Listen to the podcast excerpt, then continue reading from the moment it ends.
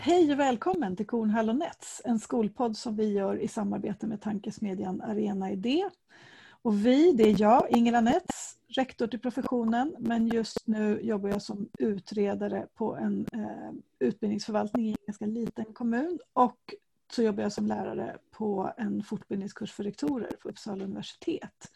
Och Per Kornhall som är oberoende tyckare, författare och ordförande för Sveriges läromedelsförfattares förbund. Hej Per! Hej Ingela! Du var, du var inte riktigt vaken. Vad roligt att... Ja, nej kanske inte. Men det väl, jag vet inte om jag laggar också lite grann. Nätverket ja. har varit lite osäkert. Eh, så. Men, men det är kul att, att vara här igen. Eller hur? Vi har ju en jätterolig gäst. Ja, för er som har lyssnat på oss tidigare ehm, så eh, hade vi i våras ett väldigt intressant samtal med Åsa Hirsch och Annette Janke. Båda två är forskare knutna till Göteborgs universitet. Utifrån en rapport som de hade skrivit som IFOS publicerade med titeln Varför förbättras inte elevresultaten trots alla insatser? Och har ni inte lyssnat på det avsnittet så gör det kommer definitivt att vilja göra det efter dagens avsnitt. Och den där frågan, varför lyckas vi inte trots alla insatser vi gör, är ju skolans 10 000 kronors fråga. Och i den här rapporten som bygger på en genomlysning och undersökning på en svensk gymnasieskola så pekar eh, Hirsch och Jankesen på ett antal liksom, nyckelfaktorer som, som de ser påverkar hur väl en skolas förbättringsintentioner lyckas. Och sen fick vi ett par mejl du och jag Per, eller vi fick ett mejl för ett par veckor sedan med frågan Vill ni veta hur det gick sen? Är ni intresserade av att höra hur vi gick vidare med slutsatserna i den här rapporten? Och det, vi blev förstås jätteintresserade och det var du, Maria Leonardsson, som mejlade till oss. Välkommen till podden! Tack så mycket! Tack, jättekul att vara med. Jag har aldrig varit med i en podd förut. Du ser, premiär! Nej, det är premiär. Väldigt spännande. Du är alltså rektor på den skola som undersöktes i den här eh, rapporten. Eh, stämmer. Ja. Det stämmer bra. Och på ditt initiativ så är du nu här för att, för att ge oss liksom, vad hände sen-perspektivet. Ja, jag är med i alla fall på det initiativet att jag kontaktade er för att ni, jag tänkte att ni skulle vara intresserade och sen så bjöd ni in mig till podden och då tänkte jag, nej men det vill jag ju vara med på. Och det ska det är vi, vi säga, jätteglada ja, för. Ja, verkligen. Och vi tycker att det är modigt av dig. Alltså det, för det är inte alla som... Det är ändå en rapport som speglar både, både, både framsidor och baksidor av en skola. Och det är inte alltid, alltså, och just det här att vara transparent och att nu också höra av dig till oss. att att dela med dig av de här erfarenheterna tycker jag är både modigt men det är framförallt är det ju bra. Alltså det är bra för, för skolsystemet och det är bra på alla sätt och vis. Det är den här typen av så här, öppenhet inför processer och sånt som vi behöver mer av. Mm. Ja men det var väl lite det som jag tänkte när vi vågade kasta oss in i det så att jag är glad att, att ni styrker mig i det, att det är en, en uppfattning som ni också har, att, att vi behöver mer öppenhet eh, och inte så mycket skyltfönster. Så då blev ju jag väldigt glad över att känna att det finns fler som tänker som jag. Men du, ge oss en kort historik. Eh, vi har kommit överens om att vi kommer inte att nämna skolans namn. Ehm, av, av skäl som kanske är förståeliga eftersom den, den eh, berättas väldigt öppet om den i den här rapporten. Men berätta, berätta om dig och berätta om skolan. Eh, vad är det för sammanhang vi befinner oss i? Ja, vi befinner oss i en, en, en ja, medelstor eller lite större stad i Sverige och eh, på en skola med mestadels högskoleförberedande program och vi har även ett introduktionsprogram på skolan. Och det är en skola som har väldigt gamla traditioner. Den har ju funnits här. I, det är många som har en, en relation till den här skolan för man kan till exempel ha gått här själv och så vidare. Och eh, jag har varit rektor på den här skolan sedan februari 2015 så jag är ju inte del av en jättelång historia men jag är ju en liten epok i, i den här skolans historia ändå kommer jag ju att bli sen när man sammanfattar det hela. Och eh, många lärare som också har jobbat länge på skolan. Eh, så att, eh, ja, på många sätt en, en skola med mycket traditioner och mycket känslor. Och du gick till din chef och sa att nu behöver vi nog kanske lite hjälp här med någon som tittar på oss utifrån. Och... Ja, det var ju egentligen efter mycket grubblande eftersom i den här kommunen så hade man lyckats då höja skolresultaten i grundskolan ganska mycket eller under, under lång tid. Eh, och, eh, men sen när de kom till oss på gymnasiet så lyckades inte vi alls eh, med samma resa utan snarare tvärtom. Vi hade vikande resultat, eh, speciellt på, på ett program som utmärkte sig. Och eh, det är klart att det förbryllade eh, mycket och under den här perioden var det också ett extremt eller väldigt stort fokus på resultat. Det är det väl hela tiden i skolan men, men, men man hade som devis liksom att det nästan bara enda uppdrag skolan hade var att man skulle höja resultaten. Så att det var också en, en väldig Ja, det, det, skapade ju en enorm frustration då som rektor när, när man då inte lyckades göra det och, och dessutom alla lärare behöriga och, och så vidare. Och då till slut så kände jag, nej, vi, vi behöver, behöver borra i det här och då, då sa jag det till min chef och, och föreslog att vi kanske behöver genomlysa oss utifrån för att jag kanske har blivit en del av kulturen också. Jag kanske också på de här åren snabbt har sugits upp av någon slags gängse rådande uppfattning om undervisning som, som jag inte heller ser riktigt. Eh, så vi, behö vi behöver en genomlysning. Hjälp! Och, och då kontaktade ni direkt, eller hur, hur, fick, alltså då undrar jag, liksom, hur fick du tag på, på Åsa och Anette som sen kom? Ja, det, det är ju inte på... helt enkelt alltid att få tag på. Det är ju inte så att man, att man, kan ringa ett speciellt nummer och så kommer det två forskare. Nej, det var ju det också. Två skolforskare som bara står och väntar. Nej, utan vi hade lite tur. För de, just Åsa och Anette är ju delvis kopplade till IFOS. De har ju också andra tjänster på Göteborgs universitet. Men då hade vi i hela gymnasieorganisationen i vår kommun haft ett, ett samarbete med IFOS under flera år. Och då hade vi ju ett nätverk där som min dåvarande chef kontaktade. Och så föreslog de då, de här forskarna, och så tackade de ja. Så det var liksom det ena gav det andra. Vi var redan inne i något slags nätverk. Så vi hade lite tur där och Annette hade vi också haft eh, som en del av, ett, av det här tidigare programmet. Så henne hade min personal lyssnat på tidigare. Mm. Men så snappade de på det och så kom de till er och så gick de runt och ställde frågor och, och, och pratade med elever och lärare och med dig antar jag och så. Mm. Och sen så får du rapporten. Yes. Och, och vad, hur kände du då? Vad tänkte du då?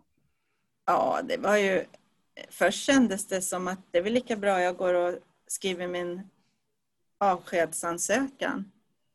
Var det För, så? Ja, det är det. Det är, det är som ni sa ju inledningsvis att rapporten innehåller ju bara både bra och dåliga saker men man är ju lätt så som människa att man tittar på det som inte är bra. För jag hade också grubblat över det här under lång tid. Det var ju därför jag ville att vi skulle genomlysa verksamheten. Så jag kanske redan var lite mörk i tanken. Och då blev det ju lite lätt att jag kanske tittade på det som var mörkt i rapporten också. Eh, så först var det jättejobbigt. Jag tänkte, vad har jag gjort då? Har jag lurat mina lärare och stackars dem som har suttit här och i godan tro liksom jag berättat och så. Och även eh, Anette och Åsa var ju lite bekymrade eh, för hur lärarna skulle ta emot det här. Eh, men sen, ja. Nej, jag får bara backa, backa bandet lite grann till alltså in, innan rapporten kom, eller när, ni skulle, när du och din chef, tänker jag, eller förvaltningsnivån skulle liksom sälja in det här projektet på skolan. Vad, vad sa dina medarbetare från början? Var alla liksom med på tåget att jajamensan, vi vill bli granskade? Eller var det många som tyckte att det var... Eller vad, vad sa de? Nej, det var ju det som var det som jag kände, vad har jag gjort? För att de, de litade på mig. Det var jag som, som sålde in det, så de litade på mig. Eh, att det här var nog inte så farligt. Det var inte så att jag förde någon bakom ljuset eller så, utan det var inte all, hela skolan, utan vi, vi, vi plockade ut ett, några klasser och de lärare som undervisar i de klasserna och elevhälsan var med i det här teamet också och skolledningen. Och det var inte så att det var något slags urval av, av vi som får de sämre resultaten utan det, det, var liksom ett tvärsnitt som man tänker sig att man kapar bara. Där fick vi ett tvärsnitt.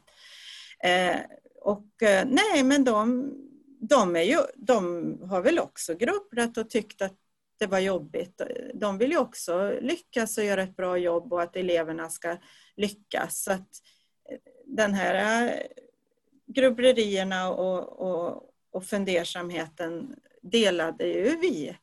Även om kanske en rektor grubblar extra mycket eftersom man i skollagen står det ju att jag är liksom ytterst ansvarig, vilket jag ju vet att jag är. Men de... Nej, det, var, det gick så lätt och det var därför sen när rapporten kom, jag tänkte vad har jag gjort? De, det var ingenting med det. Mm. Jag tror att de, de ville också förstå. Mm. Mm. Vad var det som var, vad var din, vad ska man säga, vad var det viktigaste i den för dig? Du, i, I slutsatsen tänker du? Ja, eller? ja, ja, precis. Ja, i rapporten. Vad var det som... Ja, alltså det viktigaste var ju egentligen, alltså deras slutsatser var det ju några saker som man kunde plocka ut som var viktiga för att komma vidare. Att vi kunde koka ner att, att det handlar om, om undervisningen och det som sker i klassrummet. Det blev, det blev väldigt tydligt i den här rapporten och övergången från grundskolan till gymnasiet. Det blev så, det blev så tydligt. Och det, det, det var ju kanske ingenting som man... Det, först, alltså det vet man ju. Om man, på, en, på en forskarnivå som eh, artiklar och saker som du har skrivit Per så, så pratar man ju hela tiden om något ska förändras så är det i klassrummet det måste ske. Men det är ju det är också en, en, en retorisk mening som är enkel att säga. Men sen att göra verklighet av den eh, är inte lika enkelt. Men, men nu vart det ändå tydligt i den här rapporten som handlade just om oss för att det andra som var viktigt var ju att det skulle vara kontextbundet. Att det inte alltid man kan föra över en framgång från en annan skola till våran skola utan det var också att nu framkom det just i våran kontext. Mm. Det tyckte jag var viktigt. Mm. De skriver ju i, i, i början på rapporten när de, när de gör lite mera, målar med lite större penseldrag för att, för att beskriva situationen på skolan så, så skriver de ju på något ställe att, att, ähm, att, att lärarna som kollegium verkar liksom längta tillbaka till en svunnen tid när man hade en annan typ av elever och, och liksom, ja, kanske lite högre status i, som skola och så vidare och att skolan hade ett, ett bättre rykte. Hur, hur, hur kände, kände lärarna igen sig i den här beskrivningen? Många känner nog inte igen sig för att det, det har skett ett generationsbyte. Vi, har haft, eh, vi hade många lärare som hade jobbat här jättelänge men som också har gått i pension så att vi har ju fått en hel del nya lärare så de känner ju inte igen sig i det. För det var ju ett penseldrag som också var eh, Forskarna intervjuade ju även rektorer som har jobbat här tidigare och det var ju mer deras beskrivning. Men det är klart att en och annan som har jobbat på skolan jättelänge kände säkert igen sig i det. Jag tror att det är viktigt att säga för den som lyssnar som inte är så jättemedveten att vi pratar ju inte om en skola med ovanliga problem här. Utan vi pratar ju om en ganska vanlig gymnasieskola i Sverige idag, eller hur? Absolut, och som också framgår i rapporten som, som är välfungerande så tillvida att organisationen sitter, det finns strukturer, man har en tilltro till ledning, man har en välfungerande elevhälsa och så vidare. Så det är inte något dysfunktionellt eh, i något annat sätt heller. Utan eh, ja, någon slags medelstandardskola mm. i Sverige anno 2020. Mm. Och det är också därför du... som jag tycker att rapporten är så viktig faktiskt. Alltså den, den, mm. den tränger in under skalet på, en, på någonting som är normalt. Och det var också en av de saker som du skrev Maria i mejlet till oss där när du, när du hörde av det att, att du skriver att jag tror att det som framkommer i rapporten kan kännas igen på flera skolor över hela landet. Och så är det ju verkligen. Um, utifrån det som, som också Åsa och Anette har berättat om, om responsen de har fått så, så är det ju precis så. Um, ja. Att väldigt känner igen sig.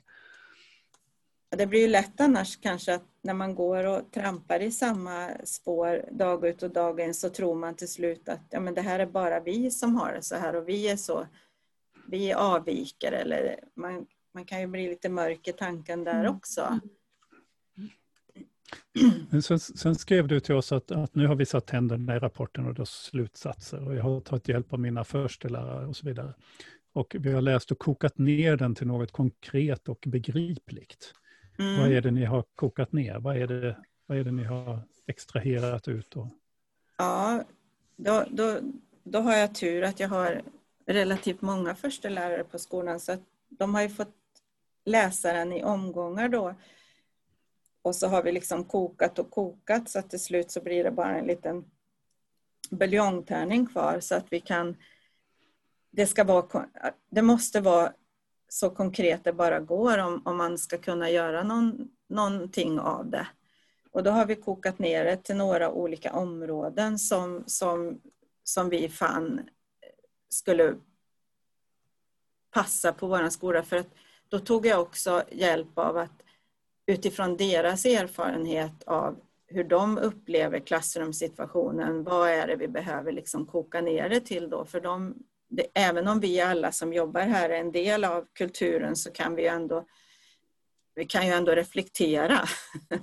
vi, vi, vi, är ju liksom inte helt offer för kulturen och då kokade vi ner det till, eh, till först och främst det här viktiga om övergången från grundskolan till gymnasiet som var väldigt tydlig.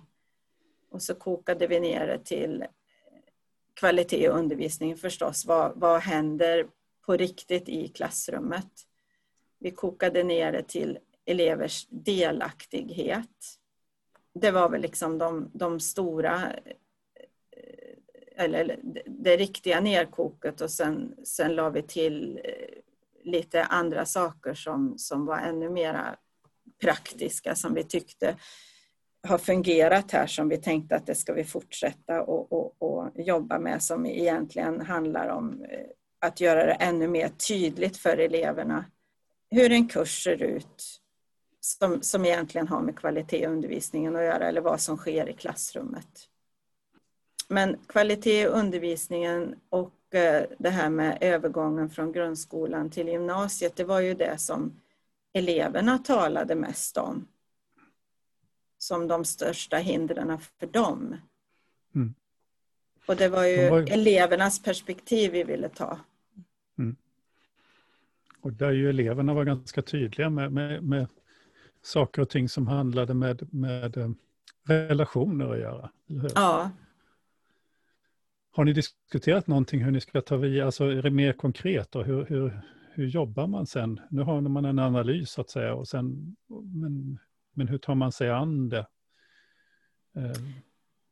Ja, det har vi diskuterat. Vi har, nu hade vi lite otur att de redovisade ju rapporten då i, på skolan i, i, februari och sen kom ju pandemin.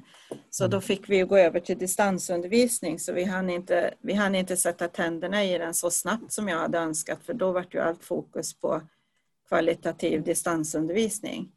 Utan då fick vi sätta tänderna i den nu när skolan öppnar igen.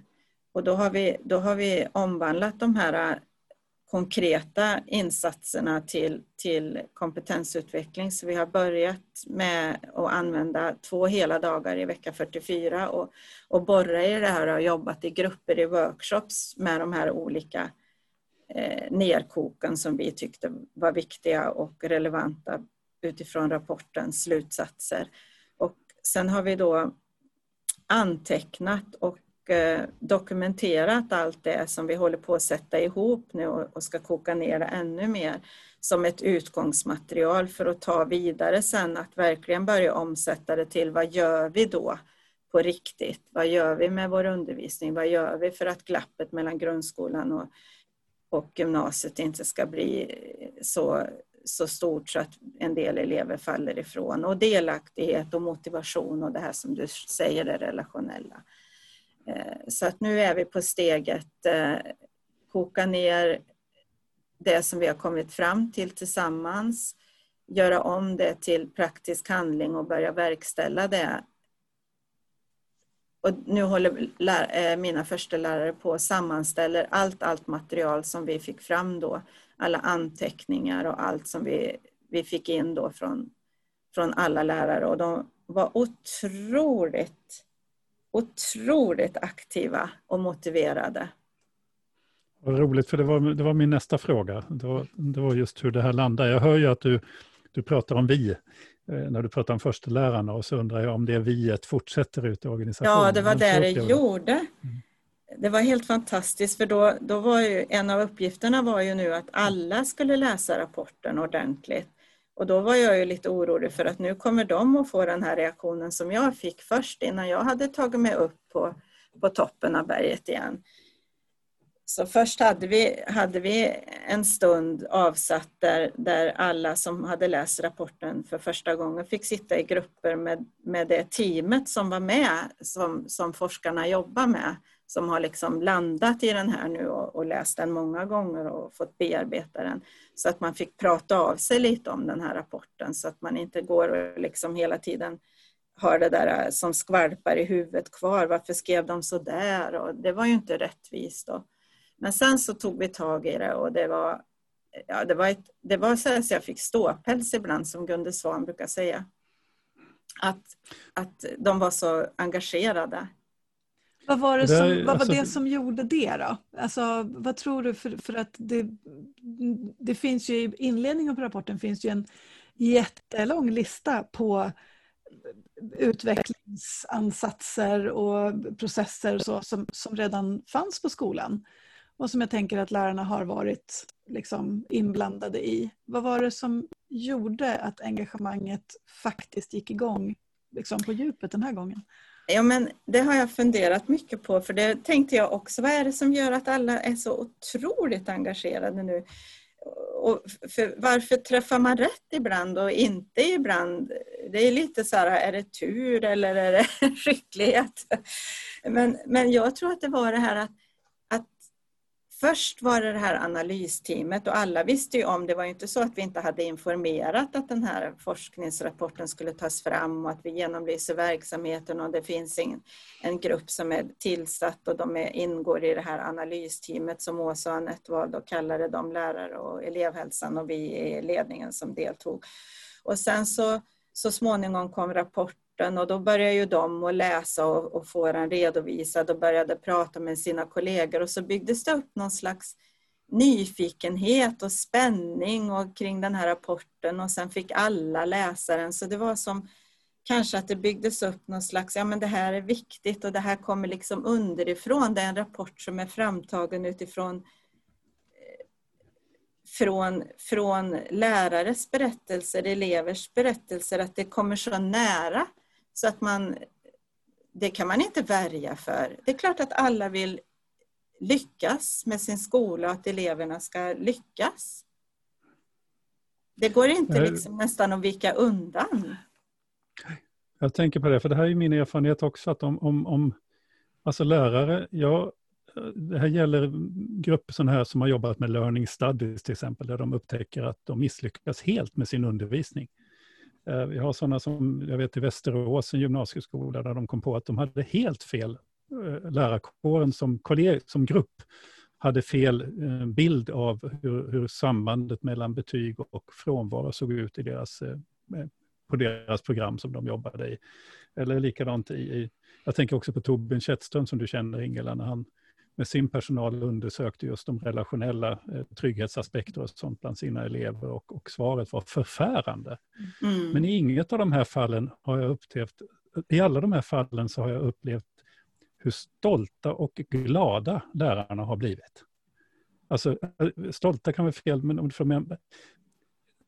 man blir glad över att få se det här, därför att man vill ju eleverna väl. Absolut. Och man, då när man, man får, får, bevis för vad man kanske har tänkt fel så blir man inte ledsen utan man blir glad. Därför att ja. det ger ju en, en, någonting att stå på, att gå vidare med. Ja, och man kanske blir, några kanske blev lite som jag, först blir man lite, man, man genomgår ju lite olika så här, mm. först blir man, men sen när man tar sig ur det, det är då man inser att men wow, precis som du säger, nu har vi ju någonting här. För att det är, alla, vi, vi vill ju lyckas med vårt uppdrag. Självklart. Det är ju ingen lärare som inte vill lyckas och alla vill ju att eh, man får bra resultat och att eleverna lyckas. Så att eh, det, det, det kanske också är en sån där eh, jätteviktig aspekt i det här att, som du säger, att om du har sett det mönstret på andra skolor så, så, så stämmer det säkert här också. Och det är också att man får en gemensam bild. Alltså innan dess kanske man hade lika många förklaringar på varför det var som man var lärare, men nu så ser man att oj, men det finns någonting här som, som gäller oss tillsammans. Jag vet inte. Det tror jag. Och, och, att den, just det där att det som jag kallar att det är kontextbundet och att den här är mm. framtagen hos just oss. Det är inte en bok som handlar om framgångsfaktorer på vilken skola som helst eller en skola på Nya Zeeland, utan den här den är framtagen på våran skola. Jag tror också att det kan finnas en aspekt av, av eh, alltså man, man, man kan vara medveten om som, som individ och i ett kollektiv liksom att, man är, att man har fastnat lite grann. Att man kanske använder ett språk som, som, som man hör någonstans. Men det här blir inte, vi pratar inte om eleverna på ett, ett sätt som är konstruktivt. Sådär. Eh, Eh, och man behöver liksom någon som kommer utifrån och, och, och, knackar hål på det där. För man klarar inte riktigt att ta sig ur det själv. Ehm, det är väldigt sant Jag tror att det, också. kan vara liksom, det, det, finns någon känsla av befrielse i det kanske. Att man så här, äntligen var det någon som, som knäckte det där, liksom den där skalet som fanns där som vi inte tog oss igenom själva. Ja, och sen så lät ju jag mig, alltså, så lät ju jag att mig få mitt skal knäckt och då om jag tycker att det är okej okay, så tycker mina medarbetare det är okej okay också, att vi speglar oss i varandra. Mm. Eh, så jag, jag, måste säga att jag beundrar eh, framförallt analysteamet men sen även hela kollegiet, hur det togs emot. Eh, för att eh, det var inte självklart. Och där är vi tillbaka tänker jag till, till eh, det som, som Per sa i början. Precis, det kräver oerhört mycket mod av en ledare att också blotta sig på det viset. Att, att liksom utsätta sig för risken som det innebär att, att, att helt sådär transparent ta emot liksom någon annans, det här ser vi, det här, det här ser vi att det inte fungerar eller här finns det liksom saker som, som behöver förbättras och förändras. Och att, att, att våga göra det som ledare tycker jag är, är, liksom det, ja, det, det är ledarskapets kärna på något vis. Ja, det, det, jag har förstått nu efteråt att det var modigt. Jag tänkte ett tag att det kanske var dumdristigt. Jag ibland kan jag vara lite naiv, nej men det är väl inte så farligt. Och sen efteråt inser jag att det kanske inte var så bra. Men, men eh, nej, men den här gången så, jag tror att det var så starkt hos mig den här frustrationen och alla frågar hela tiden politiker och man mötte den och man mötte den och varför, varför höjer inte ni resultaten? Ja, om jag kunde svara på det så skulle ingen vara lyckligare än jag. Så jag var nog lite trött på den där frågan också.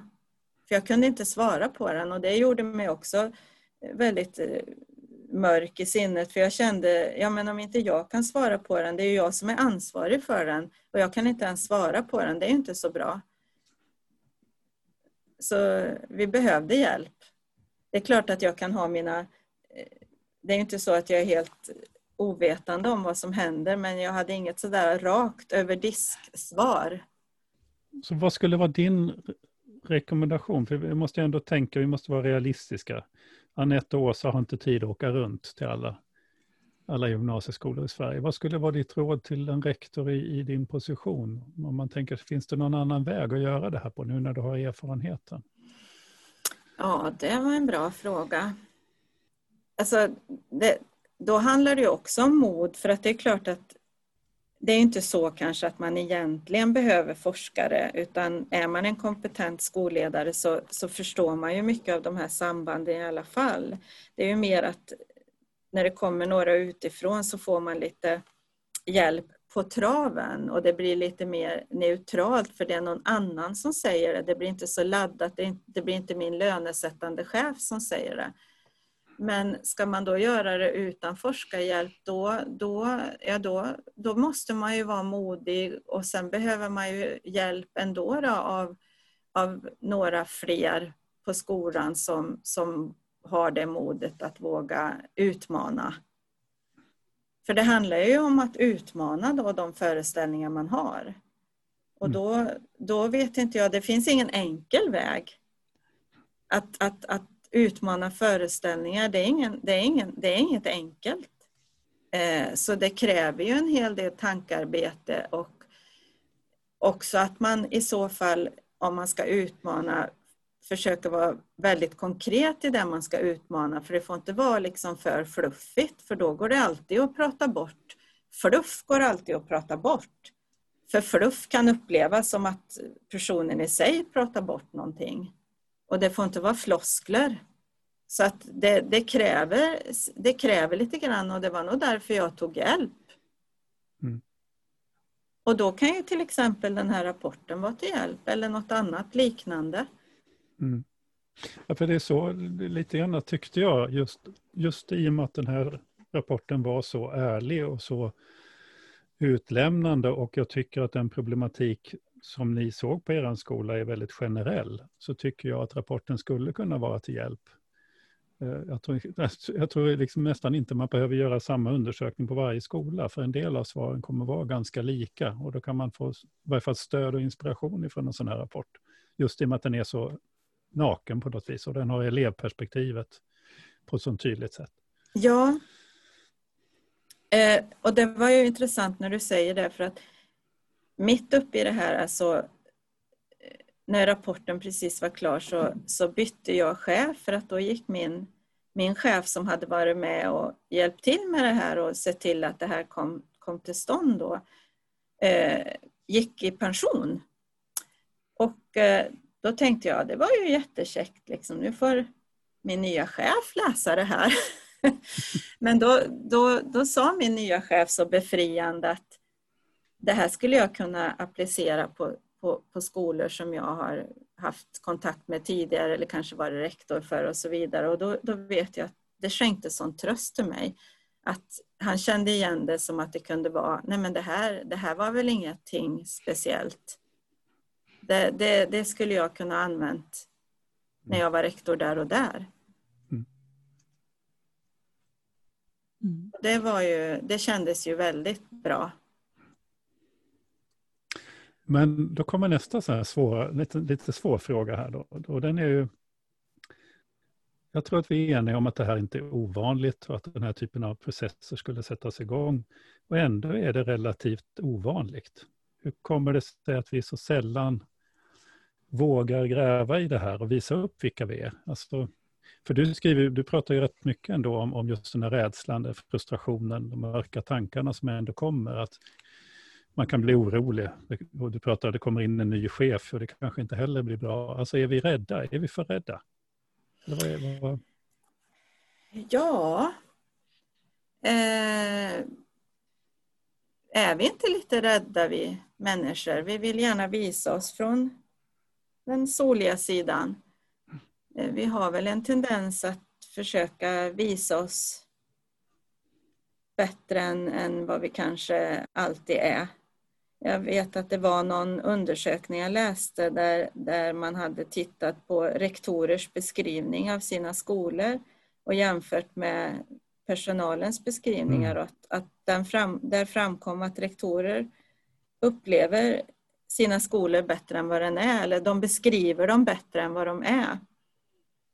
Det finns eh. flera sådana undersökningar faktiskt. Och, och, det är stora skillnader mellan rektorernas bild och lärarnas bild. Ja. Så det är riktigt, riktigt stora. Alltså, rektorerna kan till 75 procent säga att det är bra på en faktor medan lärarna säger 75 procent dåligt på samma. På samma faktor, ja.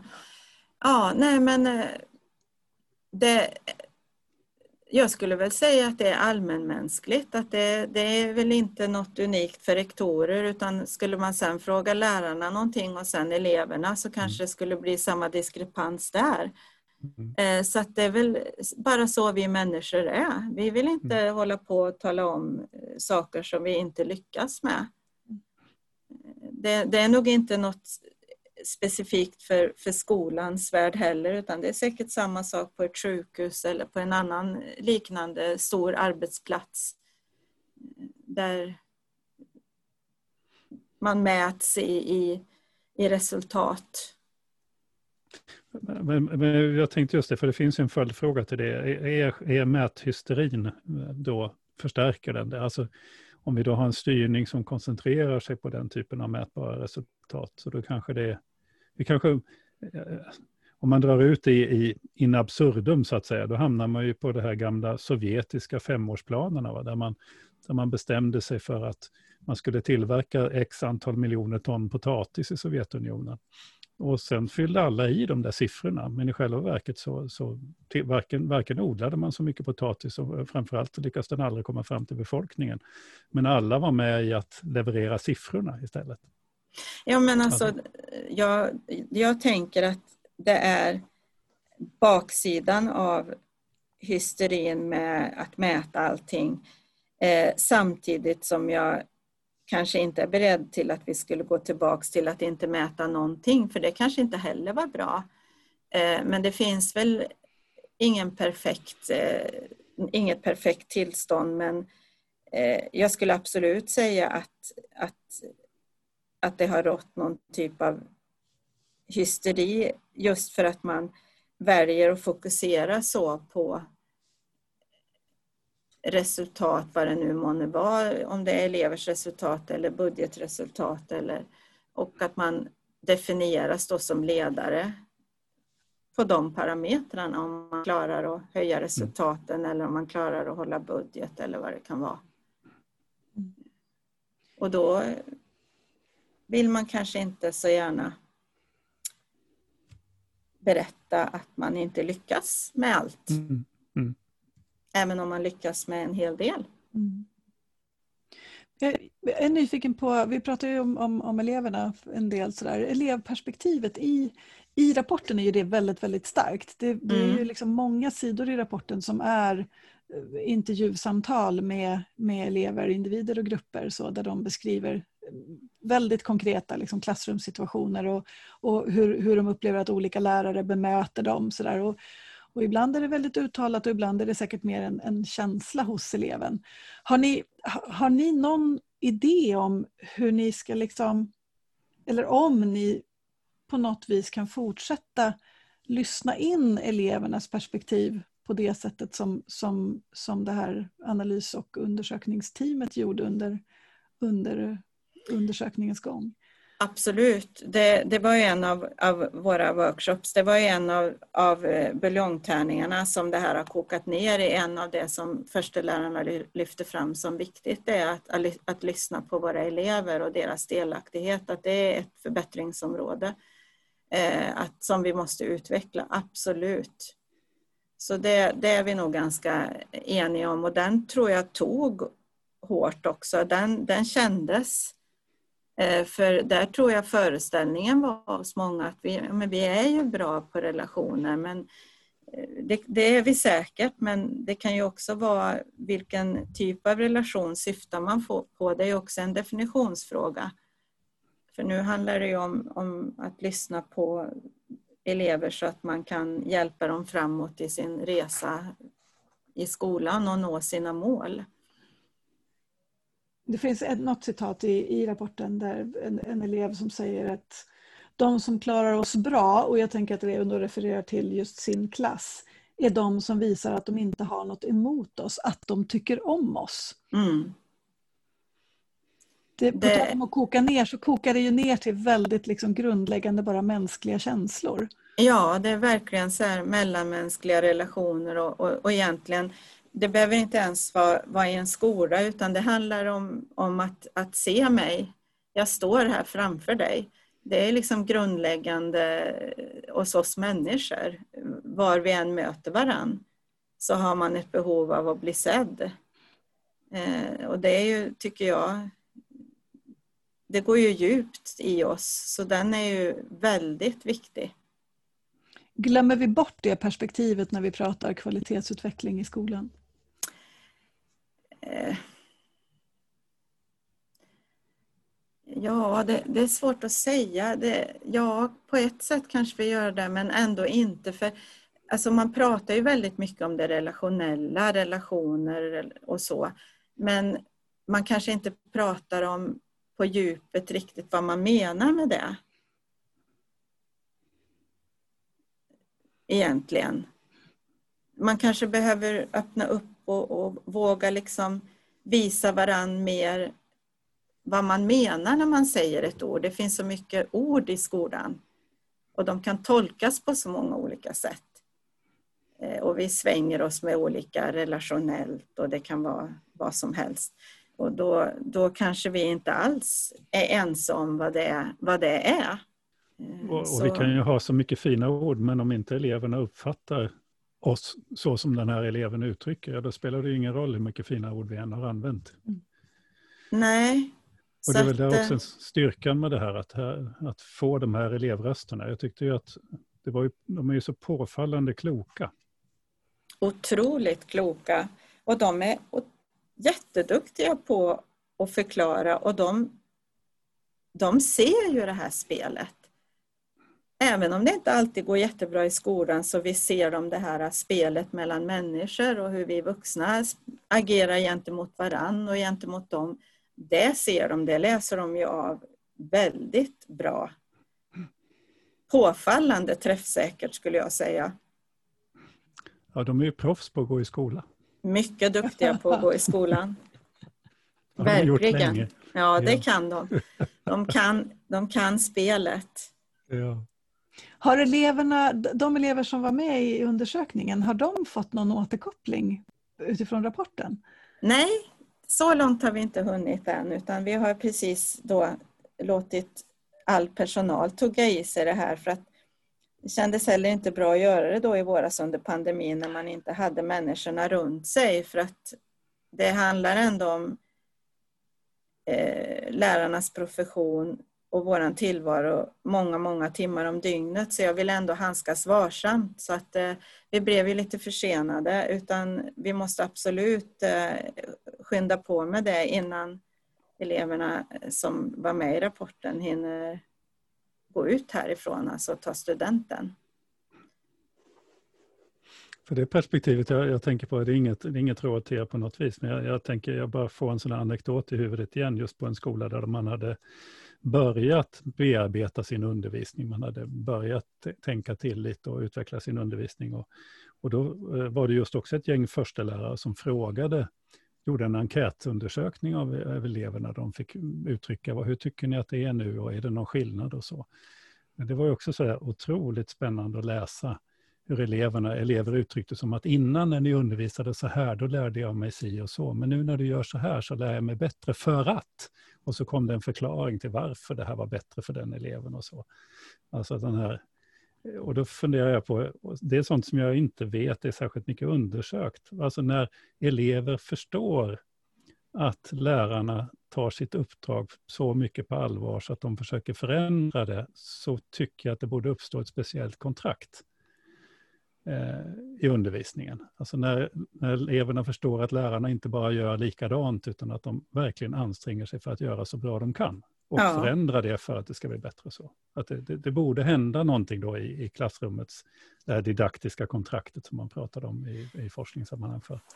Ja, då, och då tänker jag också att då blir det också intressant att veta eh, det händer, då är jag också, jag är helt säker på att det skulle hända något.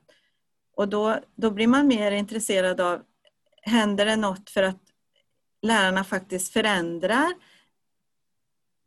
Eller är det också så att det händer något för att de märker att vi anstränger oss för er för vi vill att ni ska lyckas, att de mm. känner det. Mm. Det, det, det blir någon intressant kombo där. Ja, och det blir jättesvårt att nyckla upp det. Alltså, och veta eh, vad har vad spelat mest här. Säkert naturligtvis att man försöker att förbättra sin undervisning men också att de upplever att ni tog oss på allvar, ni lyssnade på oss och ni försöker nu göra någonting för att förbättra våra, våran situation. Mm.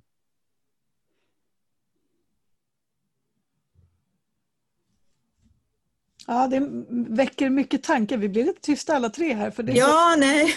så många tankar som ja. snurrar så. Vi behöver börja runda av så smått sådär. Um, vad, vad, vad, tänker du Maria? Två, två frågor i en. Vad, vad är det viktigaste du tar med dig som, som rektor och ledare av hela den här liksom processen som ju inte är färdig än men som, där ni är liksom en bit på väg? Och vad tänker du är det viktigaste som, som skolan som, som organisation tar med sig? Mm. Alltså, jag är fortfarande jätte, jätteglad och eh, nöjd över att vi gjorde det vi gjorde. Eh, och jag har tuggat i mig det här nu och nu är jag inte mörk längre utan nu, nu, är, jag, nu är jag bara ljus och ser bara möjligheter.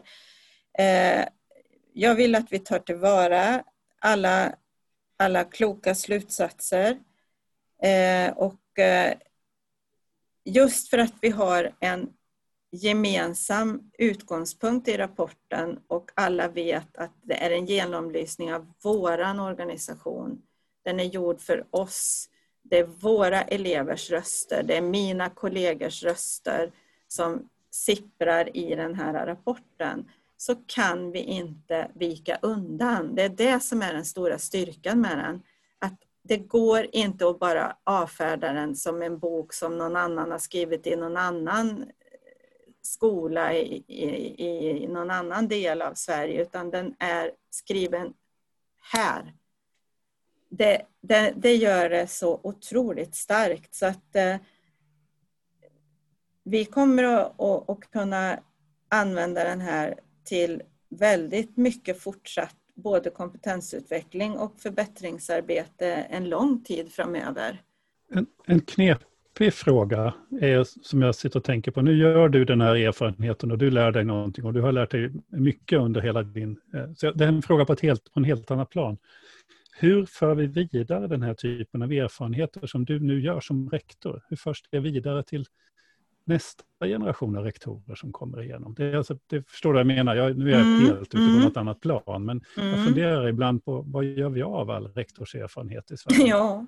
Jag tänker att det som med all annan kunskap, det här är ju kunskap, ett lärande, att man måste ta sig igenom och, och gå några varv och, och, och, göra några resor med det innan du kan komma upp på den här metanivån och faktiskt dela med dig av dina erfarenheter. Så om du skulle fråga mig här och nu så skulle inte jag vara mogen och dela, nu ska jag åka ut och föreläsa för mm. rektorer om mina erfarenheter. För jag är mitt i det. Jag behöver liksom gå igenom det här ett antal varv och processa. Och sen skulle jag kunna dela med mig. Mm. Jag är eh. inte säker heller på att det är föreläsningar som behövs. Nej, jag bara tog ett exempel. Någon sorts mentors, jag förstår, men, men jag ja. tänker någon sorts mentorskap eller kollegialt lärande bland mm. rektorer i, i, i, hos olika huvudmän och så. så att, ja. mm. Men just att, att man måste in och, och, och, och som Carolina Klüft sa, kötta själv. Ja, ja, När hon ska in ja. och träna. Alltså, som rektor måste man in och, du måste in och kötta själv. och sen kanske du kan ta ett olympiskt guld i femkamp. Ja, precis som du säger, det är så väldigt kontextbundet. För det, ja. varje, varje skola, varje situation är unik. Um, och man kan, man kan dra lärdomar och inspireras och, och vad ska man säga, um, provoceras till handling av, av andra modiga kollegor som, som har, har gjort resan tidigare men man behöver nog i stor utsträckning göra den själv. Det tror jag också. Ja, jag tror det. För att det, det, det, precis som lärande inte är något som kommer gratis så är ju det här samma sak. Det, är ju, det här kommer inte gratis utan det här, det här kräver att man dyker ner på och, och frontar det som, som, som är jobbigt och inte lika kul att titta på. Mm.